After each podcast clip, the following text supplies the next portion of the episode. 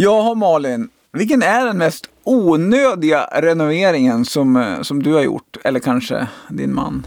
Ja, jag gillar ju att eh, flytta om och bygga om och sådär. Men i vårt nuvarande hus som är ett nybyggt hus för 12 år sedan så har jag hunnit att övervåningen riva och bygga upp en vägg tre gånger.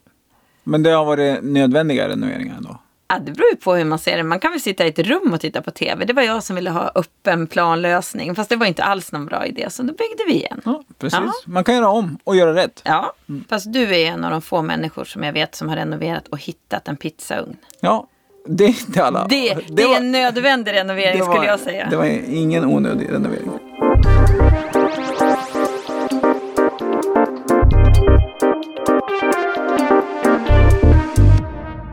Välkommen till Smarta Hem-podden med mig Robert Bäckström och med Malin Hansdotter. Vi arbetar till vardags på Stångåstaden som är Linköpings största bostadsbolag.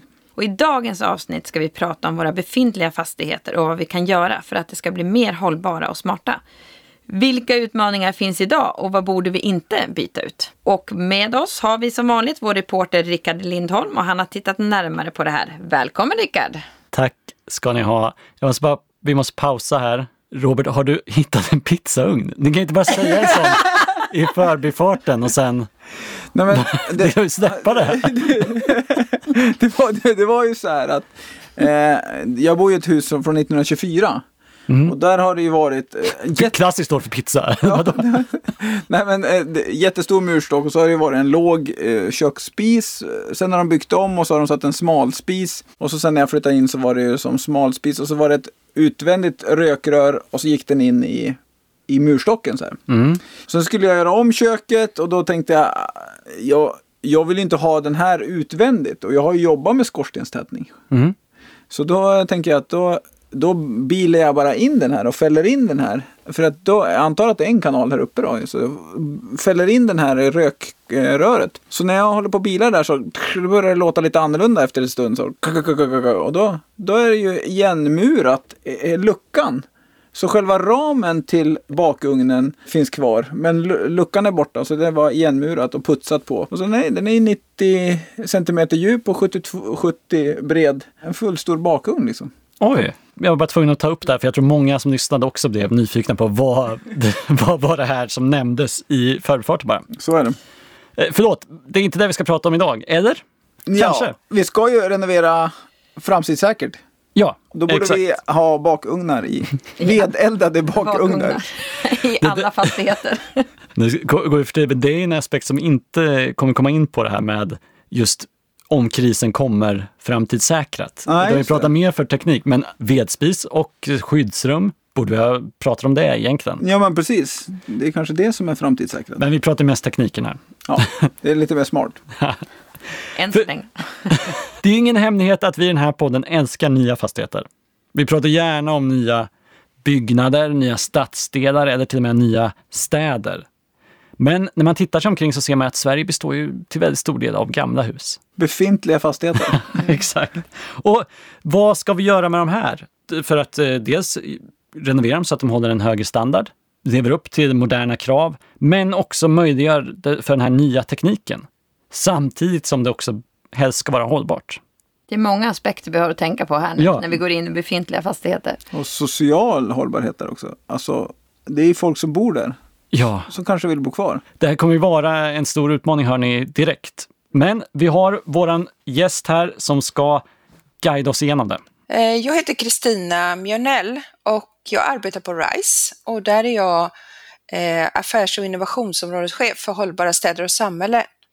Eh, jag har också en bakgrund som forskare inom, jag har jobbat med jag började min forskningsbana om att forska om betong. Sen har jag jobbat med trä, eh, hållbart byggande eh, och de senaste säga, 15 åren så har jag jobbat med hållbar renovering. Eh, och jag har också breddat mig till att jobba med inte bara eh, renovering eller hållbart byggande för en byggnad utan ett bredare perspektiv och då titta på stadsdelar och även hållbara städer nu de senaste åren. Eh, och eh, inom hållbar renovering har vi jobbat med olika typer av eh, olika aspekter på hållbarhet kan man säga. Både sociala, ekonomiska och miljömässiga aspekter. Det känns som du har hittat en, en kompetent person här för att guida oss. Ja, hon har ju ett bra CV får vi säga. Ja. Och vi ska gå in på de här olika aspekterna som hon nämnde. Men först låt oss prata lite. Hur ser det ut egentligen idag? Är vi duktiga på det här? Jag skulle nog säga att man har blivit bättre. Om man tittar, vi har tittat mycket på eh, flerbostadshus och Eh, i synnerhet eh, hus från miljonprogrammet. Och vi gjorde faktiskt en studie för några år sedan där vi intervjuade fastighetsägare och sen så repeterade vi den och intervjuade nya, eller vi hade seminarier med nya, eh, en ny omgång fastighetsägare och då ser vi ett tydligt, en tydlig förflyttning kan man säga. Så för cirka, ska vi säga, en 6, 7, 8 år sedan, då eh, var man väldigt mycket inriktad på energieffektivisering och så vidare. Det var nästan bara det man pratade om, kanske till och med så långt som 10 år tillbaka. Men sen så de senaste åren har man pratat mycket mer om hållbar renovering och då även lyft in de ekonomiska, sociala aspekterna och miljömässiga aspekterna, inte bara energi utan även klimatpåverkan då Ska vi börja beta av de här aspekterna kanske? Ja. Så att vi alla vet vad vi pratar om. En i taget.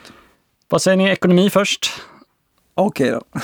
Dels så är det ju eh, eh fastighetsägarens, eh, de vill ju ha någon slags lönsamhets räkna hem lönsamhet, det måste vara lönsamt för dem i alla fall. Och då kan man titta på ekonomiska perspektivet ur en fastighetsägares perspektiv då, eller så vidare. Och sen så tittar vi ofta också på hyresgästens eh, perspektiv och då tittar man ju på eh, kostnaden, alltså den hyresökningen som man får på grund av att vissa åtgärder görs. Och då är det ju så att företagen eh, gör ju ofta standardhöjande åtgärder i samband med en renovering för att då också ha möjlighet att höja hyrorna.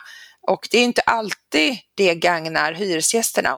Den ekonomiska aspekten finns från båda håll egentligen. Man brukar ju ofta som fastighetsägare prata om den sociala aspekten där med att människor ska ha råd att bo kvar. Men det är klart att det kvalar in även på den ekonomiska aspekten när man tittar från hyresgästens perspektiv. Ja, men precis. Man vill ju få valuta för pengarna. Liksom. Det är ju det är en fråga i våra boendeenkäter.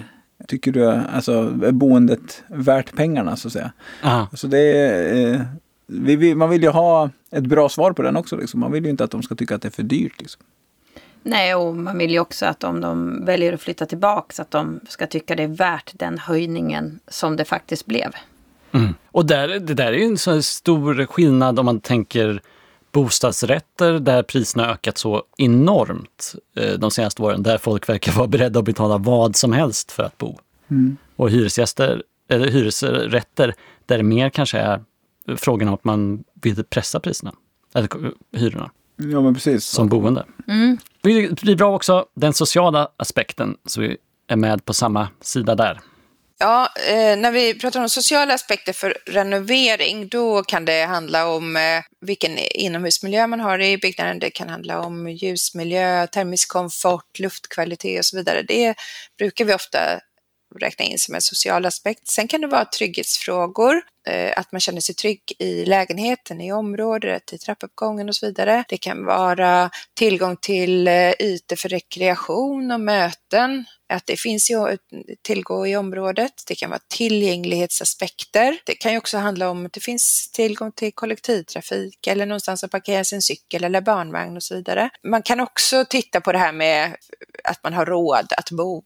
Det kan också vara en faktor som man räknar som en social faktor. För har man liksom höjs hyrorna så mycket som man inte ens har råd att bo kvar, då blir ju det en social eh, eh, effekt. Liksom i, i, vissa fall så tittar man mer på hur renoveringen utförs och då kan det ju vara att man inte stör de boende, att man kanske ja, tar hand om de boende under renoveringen om man nu måste evakuera eller om man ändå kan bo kvar med någon dräglig boendemiljö. Det kan också handla om hur man handlar upp eh, entreprenörer och hur man anställer arbetskraft. Det är så himla brett. Jag tänkte att det skulle finnas ett lättare svar, men nej, det är så många grejer. Det är ju otroligt många aspekter. Dels är det ju ofta stora områden och sen så är det ju eh, det är många människor med olika viljor och olika bakgrund och situationer i livet som man ska ta hänsyn till. Ja. Ja, och några av de aspekterna som hon, hon nämner är ju Eh, och det är ju rena lagkrav egentligen med, med tillgänglighet, med luftkvalitet och, och jag menar om vi går in i ett, i ett område där det inte finns hiss och vi gör en totalrenovering, då kommer ju nybyggnadskraven in och då behöver vi ha hiss. Och det är en kostnad som, som lägenhetsinnehavaren kommer att och, eh, vad det, ta i sin hyreshöjning, men det är kanske inte det den vill ha egentligen. Utan det måste det är ett lagkrav. Och så, och så sen alla de här andra grejerna. Så, där. så det är så brett alltså. Mm. Och då har vi inte ens kommit in på miljöaspekten. Nej. Där det också finns en rad saker att ta hänsyn till. Vi, vi lyssnar väl lite igen. Ja. det faktiskt eh, innebär en, både en resursuttag och ett, eh, en eh, energianvändning att tillverka nya material. Och då förordrar vi att man hela tiden ska tänka på att är det material som vid en renovering går att spara? Så att istället för att riva ut eh, golv, kök, badrum, garderobsväggar och så vidare som man ofta gör idag, tyvärr. Man river ut det gamla. Så går det i många, många fall att med hjälp av, eh, man kan slipa, måla om, man kan höja bänkskivor, man kan bevara väldigt mycket av den in, inredning som finns. Lister, golven är oftast otroligt fin kvalitet på i lägenheterna och istället kanske slipa och lacka om eh, istället för att eh, slita ut och lägga in nytt. Har de inte lite så här, tycker alltid vi kommer tillbaks till, till maten. Men man Ja. har haft liksom, där har man också haft några slit och slängår och nu ska det vara lokalproducerat. Och samma sak har det varit med renoveringar. Det har varit liksom, nej men eh, riv ut skiten och ingen ens kollar, det bara rivs. Och nu börjar man komma till, ja men det, det är inget fel på det här handfatet. Vi kanske kan liksom fixa ordning det och ställa tillbaks det. Men det är väl också en kostnadsfråga där. Nu tittar jag på dig Robert, för du har lite bättre koll här. Att det, ibland är det billigare att sätta in nytt än att renovera gammalt. ja, men så är det ju. Och, och oftast, eh, och vi har sett prisökningen ganska, de senaste åren är ju, har ju varit väldigt stor och, och sista året speciellt. Liksom, som, eh, som gör att eh, det definitivt kan vara Eh, ett alternativ nu att titta på och behålla saker. Det kan ju vara att vi inte får tag i material heller, vilket gör att, att vi får nya förutsättningar. Men en aspekt som man eh, kanske inte tänker på just att återanvända material, det är det här med garantiansvaret. Liksom. Då måste man ju verkligen låta, sitter man, låter man golvet sitta kvar, då, då är det ju kanske inte så stort. Men ska man ta material från andra eh, projekt eller så, så, så här, ska en, en byggentreprenör ta garantiansvaret för det och så vidare. Så, men Där, där saknas det ju helt hur man ska sköta det. Nej, men precis. Nej, men eh, så att eh, nej, det, det finns eh, eh, enorm potential i, i att eh, inventera vad man skulle kunna återanvända. Ja, och det känns ju som vi kanske behöver... Vi har ju gjort på ett sätt och nu ska vi göra på ett annat. Vi kanske behöver en period att lära oss och vi kanske behöver ha nya sätt att tänka när det gäller vem som ska ta ansvar för materialet som kommer in som är återanvänt. Och, Ja. Och, men det, och det som är positivt ändå är ju eh, de här stadsdelarna och de här fastigheterna finns ju i hela Sverige. Och där har vi ju en gemensamt intresse i, många fastighetsbolag i Sverige. Så att, säga. så att tillsammans så borde vi kunna eh, hitta kostnadseffektiva och hållbara lösningar. Ja. Men någon måste vara först. Någon får gå i bräschen för det här. Ja, jag tror ju det är ju många, om vi nu pratar miljonprogramsområden så är det ju på många ställen i Sverige där man har gjort lyckade renoveringar. Och då, då ska vi ju ta lärdom av varann. Eh, Se vad gick bra och även titta på vad gick dåligt och lära sig av det. Så vi inte gör samma misstag eh, i, i all, på, på alla ställen. Ja, och där är också så många aspekter att ta. Då ska man ta hänsyn till alla de här aspekterna igen med vad som är lyckat. För vissa kanske har gjort en jättebra miljömässig renovering, men hyresgästerna är jättemissnöjda. Ja, Och sen behöver man ju titta på tid också. Någonting som man ser att här gjorde vi ett, eh, ett bra projekt. eh, Vi gjorde en stadsutveckling som gav effekt. Och sen fem år senare är vi tillbaks där vi var. Det, det är också, vi har ju tidsaspekten som man måste titta på också. Vad man anser vara lyckat projekt. Men ett problem som vi förstår man ser från RISE sida är ju att vi blåser ut lägenheterna och bara byter ut alla delarna. Jag tror att det är en trend, tyvärr idag, att vi uppskattar nytt eh, mer än gammalt. Och det är också så att, eh, förutom de här lägenheterna inne i Stockholms innerstad, då, som kanske där man ser det här liksom, att priserna faktiskt ökar för att man har det gamla. Men det är ganska sällan det är så.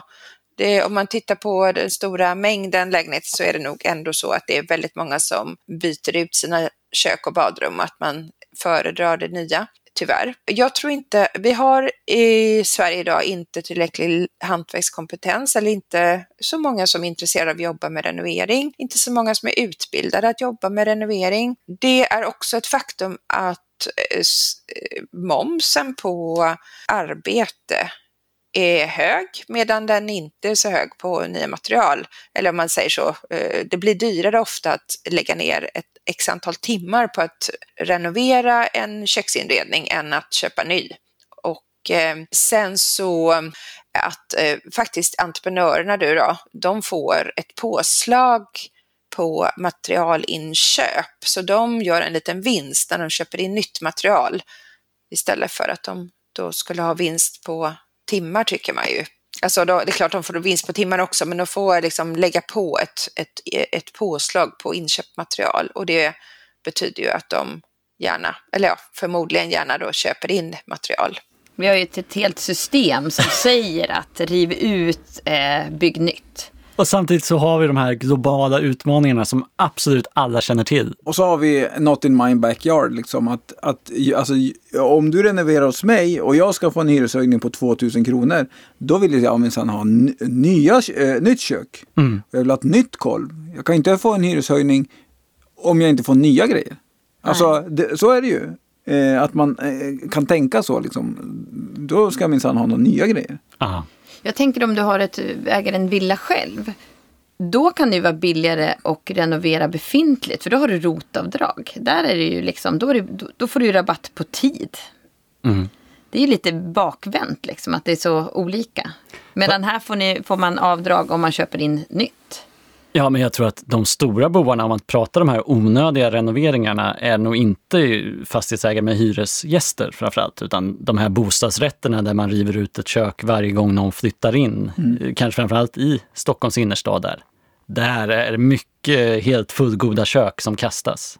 Men jag undrar om det inte liksom är ändå någon slags eh, trendvändning där, att man eh, Ja men vi har haft lite flygskam nu, att man kanske börjar få lite renoveringsskam. Man river liksom inte ut ett schysst kök bara för att man vill göra nytt för man flyttar in. Man hoppas att vi kommer dit så att man att folk börjar tänka, eh, tänka lite nytt. Att det kanske går att göra någon ändring då om man vill sätta sin prägel på sin bostadsrätt eller vad det nu är. Jag, jag håller med att vi, jag hoppas att vi kommer dit, men jag tror inte vi är där än. Nej, det tror inte jag heller, men vi kan hoppas. Ja. Det går ju inte att gå runt i en stad utan att se de här stora vad heter Big de? bag. Ja, exakt. Ja. De här påsarna där någon verkligen har rivit ut allt. Ja. Däremot kan jag tycka om man nu ska riva ut allt, då kan man ändå kanske istället för att bara slänga så kan man ju eh, dela med sig. Då. Lägg ut det på Blocket, kom och plocka ner mitt kök eller whatever. Så att vi får någon slags eh, ekonomi i det hela. Och då, det för oss lite över på nästa problem med eh, det här eh, att få det här cirkulära och återanvända material. Att det kan vara lite eftersatt och kanske inte gå att eh, rädda. Att underhållet har halkat efter och att det tyvärr inte håller någon. Det finns inget kvar. Det går inte att använda egentligen. Och då är frågan, hur ska man komma åt det här? Gör alltid förebyggande åtgärder för att förebygga skador och då tänker jag väldigt mycket på eh, våtrum och läckage. Och var noga med att se, till att eh, säkerställa liksom att taket inte läcker, anslutningar fönster inte läcker, tätskikt i våtrum, även titta över källare och grund så man liksom fuktsäkrar huset. Och även vid ett litet, litet tecken på en förändring eller en skada, undersök direkt orsaken och åtgärda direkt. Så att man inte går och, liksom och väntar och att den här skadan sprider sig. Det är nog det, det sättet man liksom säkerställer att eh, byggnaden lever länge. Så, för det är det hon svarar på egentligen. Och det här gäller ju inte bara i de här områdena. Det här gäller ju alla fastigheter egentligen. Att man behöver vara noga på just de grejerna. Att taket är tätt, att det inte läcker in och, och sådana grejer. Så att säga. Men det är ju eh, det är klart att det är viktigt här. Ja, det här gäller ju alla typer av hus egentligen. Det här är ju verkligen inte bara flerbostadshus utan jag letade hus ett tag och då fick man ju, dränering var ju det. I varenda som besiktnings var ju det som man efter, som var det man fick anmärkning på. Ja, fuktlagringar i källaren. Mm. Men det är ju... Eh, Underbart. det vill man ha. Det är ju viktigt att hitta, som hon säger, de här eh, vattenskadorna. Men det är ju inte alltid lätta att hitta. De hittas ju ibland när det redan är för sent. Så att det, det kan ju läcka under och eh, saker som man inte ser. Nej. Så det är ju en utmaning att, att, att underhålla ett hus längs vägen också. Och så sen, alltså om man går in, in i lägenheterna, som också nämner att vissa, eh, kanske inte, vissa saker kanske inte håller måttet. Och eh, då blir det en, också en fråga. Eh, I det, här, det här köket måste vi byta ut helt. Mm. Och det här golvet måste vi byta ut helt. Men grannen, byt, det renoverar vi det gamla bara. Eh, Och så sen är det en likadan eh, hyressättning då. Eller, alltså den här jämnheten i hyresnivån och eh, rättviseprincipen. Och, Ja, eh, det är mycket aspekter. ja, och eh, vill man ha olika saker i samma fastighet? Ja. Men där måste vi gå och sätta in individuell hyra då efter beroende på vilken standardhöjning som har gjorts, eller? Ja, fast då blir det som Robert säger om rättvis-principen. Där det kanske är så nedgånget kök så du måste sätta in ett nytt. De kanske hade varit nöjda med ett renoverat kök. Och den som då fick ett... Eh, ja, det blir ju liksom... Ja. Ja. varför fick den så mycket höjning och, och jag fick... Eh, Så lite höjning. Ja, nej, så frågar man kanske inte. Men, Tvärtom. eh, ja, så att det är ju liksom... Det är ju svårt. Och, Och nu är inte jag eh, hyresförhandlare, men jag tror att vi eh, upp, liksom förhandlar eh, höjningen eh, eh, ja, för hela, för, hus, för hela huset. Liksom. Ja, Så, att säga, så att det, eh, jag tror att det kan bli en aspekt. Eh, men det, vi får se. Vi ska väl också börja inom kort med, i, i våra områden. Ja, men jag tänker man kanske behöver se över det. Att, nu pratar vi på lägenhetsnivå. Man kanske ska prata husnivå. Så är det 50 procent som har så uttjänat kök så att det måste bort. Ja, men då, då byter vi kök i, hos alla då. Och så kanske man kollar mer hus än man kollar lägenheter. Och då kanske man eh, kan återanvända Vända de som är till. bra. För att de här husen är ju, det är det som är så fantastiskt. De flesta är ju återupprepningar till, eh, till 100 procent. Så att eh, de, de köken passar ju i varandras kök. Ja. Det var det som var bra med miljonprogrammet, att, alla, att det var många likadana bostäder som byggdes. Ja, ja det är ju Det är också verkligen- där folk håller emot det. Ja, fast jag tycker ändå någonstans att vi, vi måste vända. Det, miljonprogrammet var ju någonting positivt när det byggdes. Då var det ju någonting bra. Fast det har ju vänts till något väldigt negativt. Eh, vi skulle behöva liksom se, se det som är bra, för tanken var ju god egentligen. Och sen, vi har ju, det finns ju en enorm potential just i renoveringar av det här. Just för att det här återupprepningseffekten. Vi, kan, vi kan hitta effektiva, bill, ja, billigare eh, sätt att eh, tilläggsisolera eller byta fönster för att det är en upprepningseffekt. Ja, Eh, så det, det finns en jättepotential i, i områdena. verkligen. Och ett problem som inte verkar finnas, som jag trodde när vi började med det här avsnittet, att det här kommer vara en utmaning. Det är ju den här nya tekniken, att få in den i befintliga fastigheter. Där tänkte jag att här finns det något svårt, men inte enligt eh, RISE. Det beror väl på hur, vad det är för nytta. Jag, jag kan ju tänka mig så här att om man ändå sätter in ett nytt ventilation och uppvärmningssystem i en äldre fastighet att, vid en renovering, då sätter man väl också in en smart styrning av det så att man får det att fungera optimalt. Sen nämnde du ju själv sensorer. Det kan man ju absolut använda om man nu gör om tätskiktet, till exempel i ett våtrum. Då kan man ju liksom lägga in sensorer så att nästa gång, eller det blir en, om det skulle bli en skada eller om det skulle bli ett läckage så är man liksom eh, informerad om det. Så där tycker jag inte man ska eh, tänka att det inte går att använda teknik i gamla fastigheter. Sen kan man ju också ha eh, logga, till exempel inomhus eh, temperatur, eh, ja, termisk komfort, eh, luftkvalitet och så vidare. Och det går ju lika bra i en gammal fastighet som i en ny. Men det här med oh, smarta lås, det kan du ju även sätta in på en, eh, en gammal dörr. Det är ju egentligen bara en, eh, en eh, teknisk funktion. Och eh, till exempel att du eh, eh installerar du någon slags eh, eh, vakt på en spis så att den inte ska stå på i all evighet och så vidare och bidra till risk för brand. Det kan man ju också göra på, i befintliga lägenheter. Så sådana saker som är, bidrar till till att eh, fastigheten eller lägenheten blir säkrare. Det tycker jag absolut det är vettigt att tänka på. Det går säkert att kombinera med den gamla lägenheten. Vi har väl pratat i tidigare podd också om, eh, då pratade vi om husrenovering, men att man förbereder med kanaler och ifall det kommer ännu mer ny teknik framåt. Det borde man ju också kunna göra i, i lägenheter när man ändå går in och ändrar andra saker. Ja, till viss del, men det så, oftast när man bygger nytt så lägger man ju de här kanalerna i, i bjälklaget så gjuter man, gjuter man ett nytt bjälklag. Och nu är, man tar ju aldrig upp det. Och jag tänker på eh, radiatorstammar och så här. De radiatorstammar, oftast kanske de ligger i, i golvet och så kommer de upp vid, vid fönstret för att, eh, för att försörja rummet med värme via en radiator där. Mm. Men eh, ska du ha nya radiatorstammar så måste du ju ha, lägga dem utanpå liggande för du kan ju inte eller det kanske inte är kostnadseffektivt att bila upp golvet. Speciellt om du ska behålla parkettgolvet. Så att det, det blir ju det, det, blir lite andra lösningar. Men, men jag tror ju att, som hon säger också, att det finns ju jättemånga grejer som, som vi kan göra tekniskt. Men där handlar det också om, det är ju kostnader. Aha. Som eh, inte kanske är till godo eh, så mycket positivt för kunden, men för fastighetsägaren. Men det är ju ändå kunden som ska betala. Och den där nivån, hur mycket ska man bygga smart för fastighetsägarens skull? Mm, vissa smarta funktioner gynnar ju även eh, hyresgästen. Men jag håller med, det är ju mycket för fastighetsägarens skull. Mm. Nej, det, det där är ju en... Det, det, det, tror jag också vi har tagit upp i tidigare avsnitt. Det där kommer ju vara en svår avvägning att göra. Mm.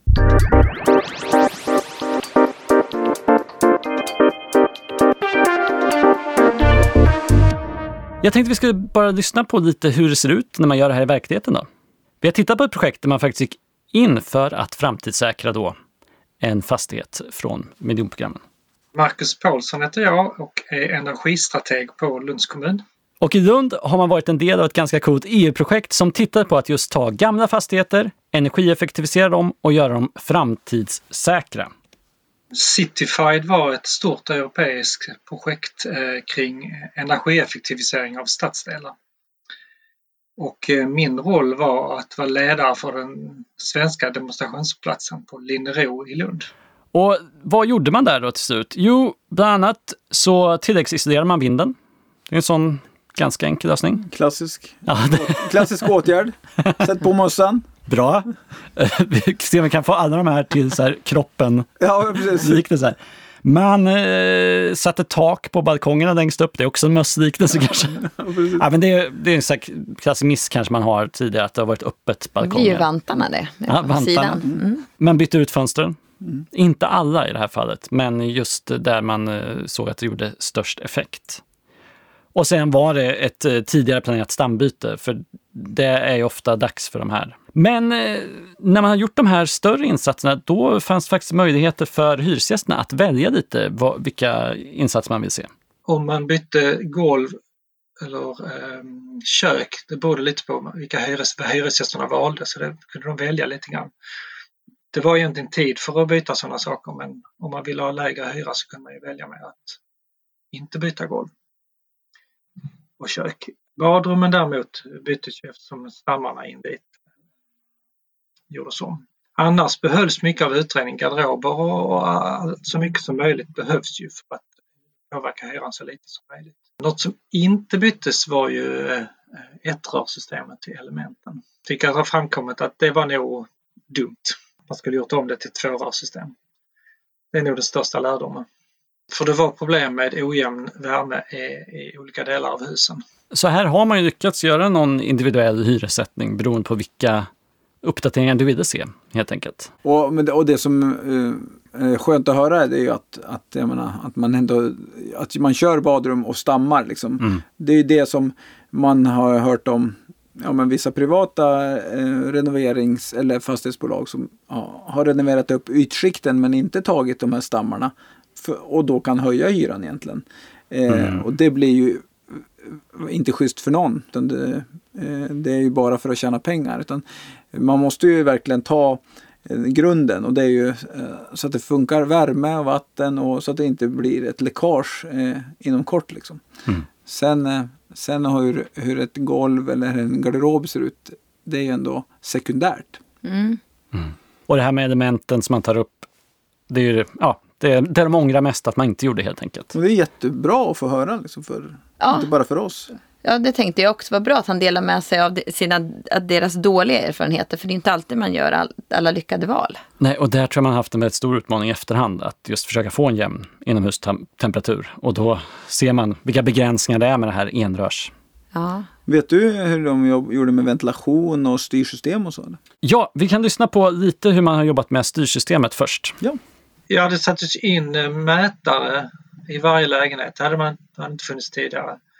Eh, så att man mätte temperaturen. Eh, och sen samlades in på centralen så det ska reglera systemet. Den är ju även då styrd av väderprognosen kan då styras så att blir det varmare eller kallare kan man förbereda systemet för det.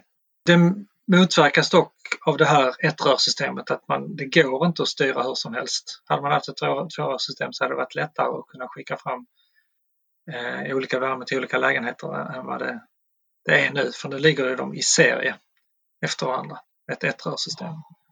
Vilket gör att styrningen inte fungerar så bra som de hoppats.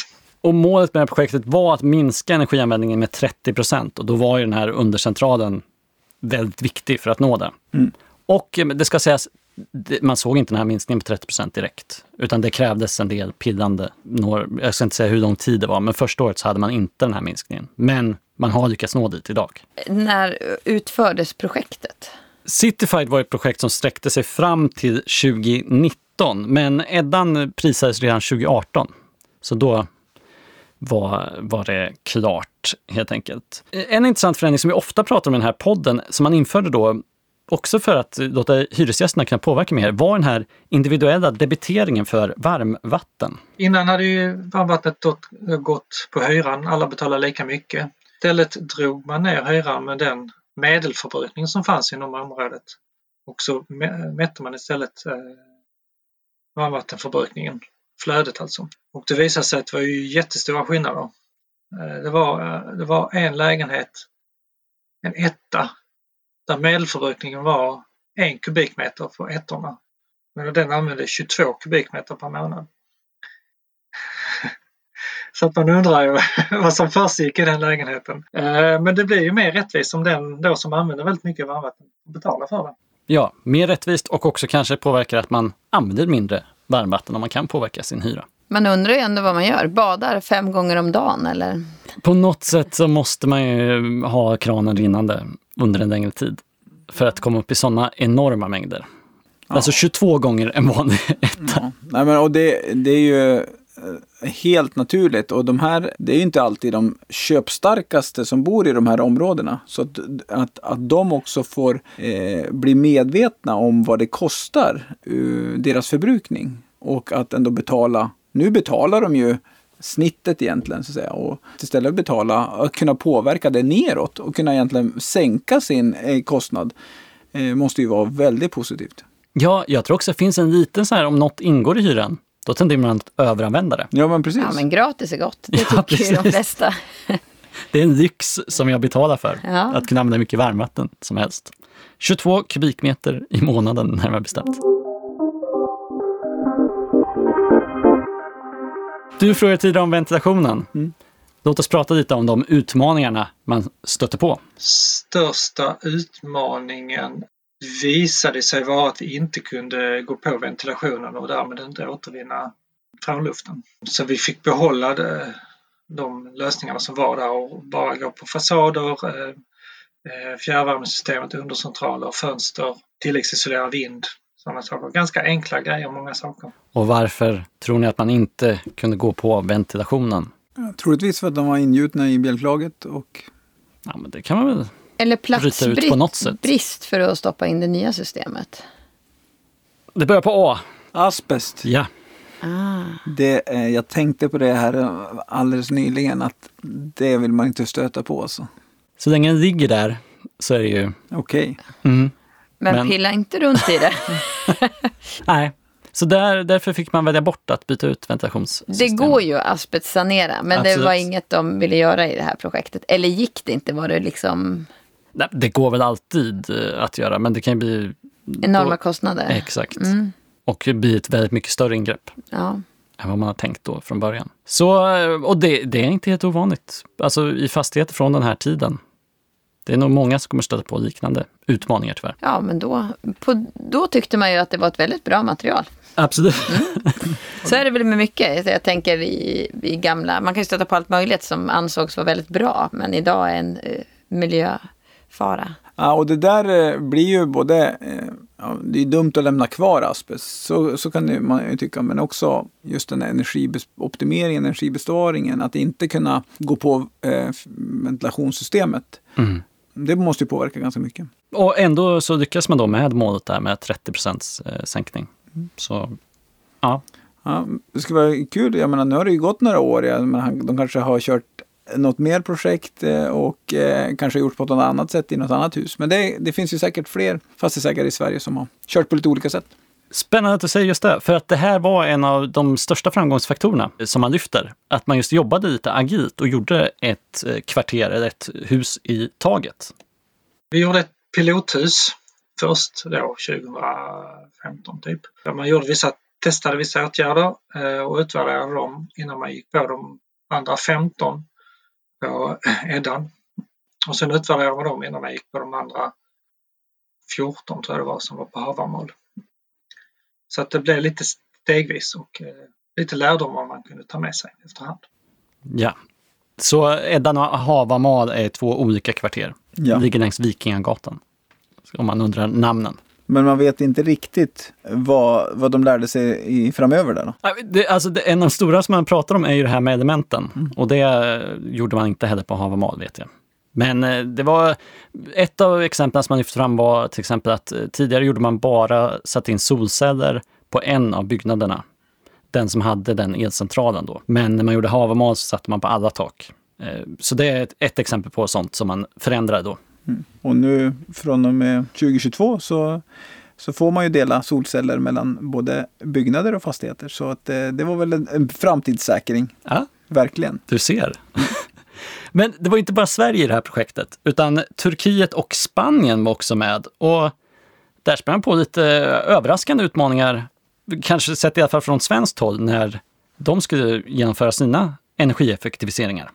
Det området i Spanien eh, som ligger då 20 mil från Madrid, så ligger ganska centralt i landet. De hade ju högre energiförbrukning än våra hus på Linnero i Lund. Så de hade högre värmeförbrukning i spanska hus från 80-talet än våra hus från 70-talet. Så att vi hade ett bättre utgångsläge kan vi säga. Intressant att det var så dåligt ändå. Men eh, vi är väl ganska kända för att bygga ganska bra hus i Sverige. Ja, jag var och hälsade på min eh, svägerska i Melbourne. För, eh, jag vågar knappt säga det, för 20 år sedan. Nej men då, eh, eh, alltså det, det var så kallt i husen alltså. Det är så dåliga hus och det var ju kallt liksom. Vi var ju där på, på våran sommar, deras vinter. Det var ju ja, superkallt. Alltså. Men det är ju en gammal engelsk koloni och eh, har man varit i London så vet man att engelsmän kan inte bygga hus.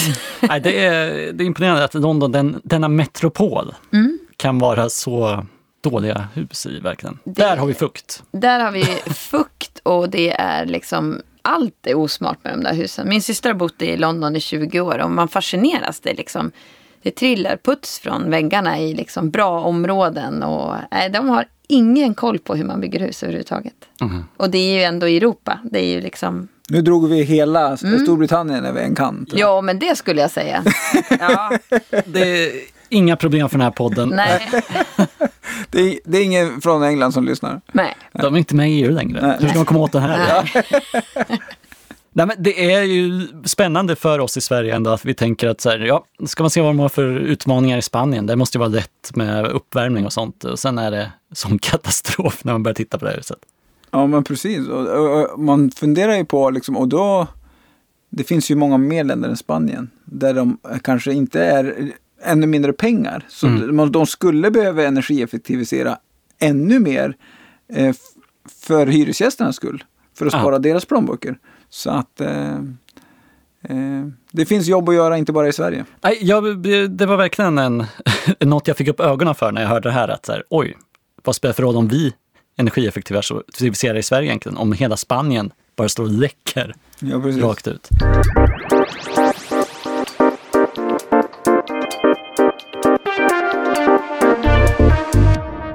Innan jag avslutade intervjun med eh, Lund så bad jag Mats då om man kunde dela med sig av det viktigaste som han tog med sig från det här projektet, för att det är så många andra som sitter med liknande. Och han hade några medskick.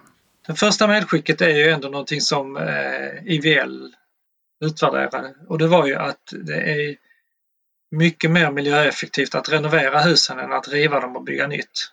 Eftersom det finns en hel del inbyggd koldioxid i materialen. Och att då bara byta ut felaktiga delar och behålla det mesta, det är ju absolut det mest klimatsmarta. Det var ett väldigt tydligt resultat från IVLs sida. Det andra är ju ekonomi. Hur får man ekonomi i sådana här saker? De flesta orter i, Sverige är ju till, tillväxtorter och eh, den här förtätningen hjälpte ju till att eh, finansiera ombyggnaden av området.